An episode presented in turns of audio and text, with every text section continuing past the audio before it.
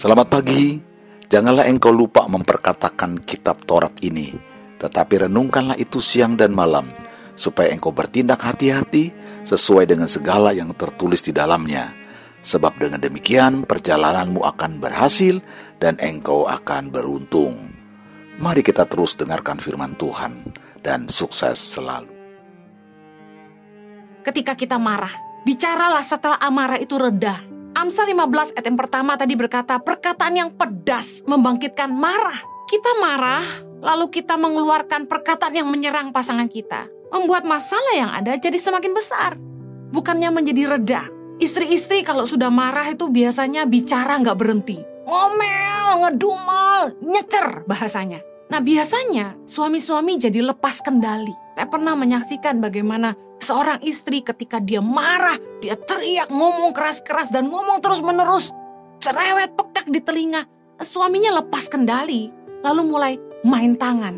Saya tidak membenarkan tindakan pria yang melakukan kekerasan dalam rumah tangga, tapi mari sebagai wanita juga kita introspeksi diri. Sebagai sesama perempuan, saya aja nggak tahan kalau dengar sesama perempuan bicara dengan nada tinggi, begitu cerewet, ngomong tiada henti. Risih, apalagi suami.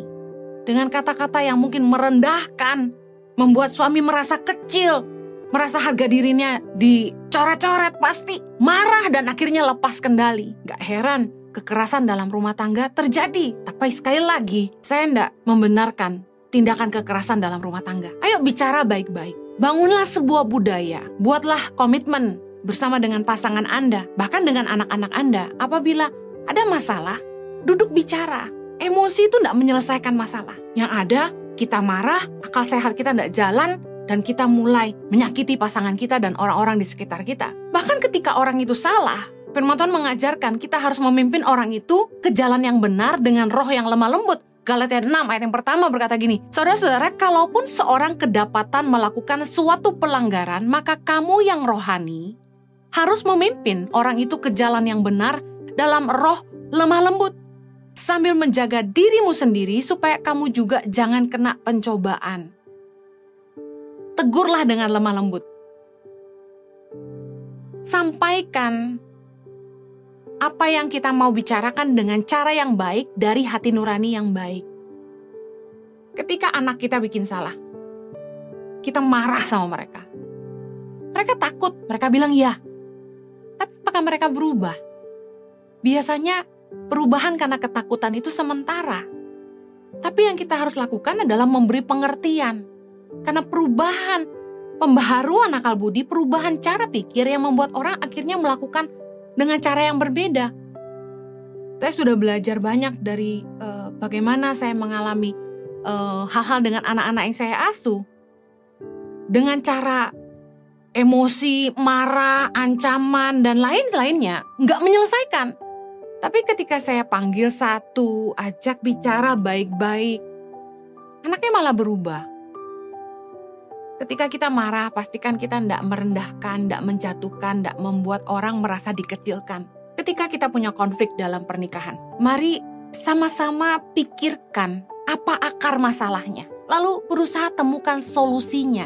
Cari akar masalahnya, akui, dan selesaikan. Kita harus berhenti saling menuntut.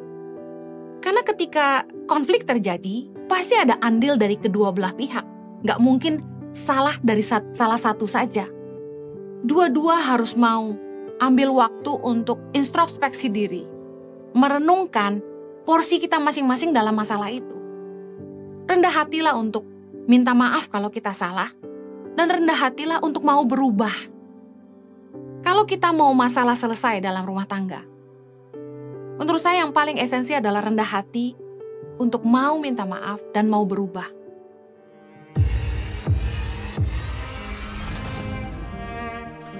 Marilah kita membagikan renungan ini ke semua orang yang kita cintai, agar mereka pun mendapat kekuatan baru dan menerima berkat saat mendengarkannya. Sampai jumpa esok hari, Tuhan memberkati.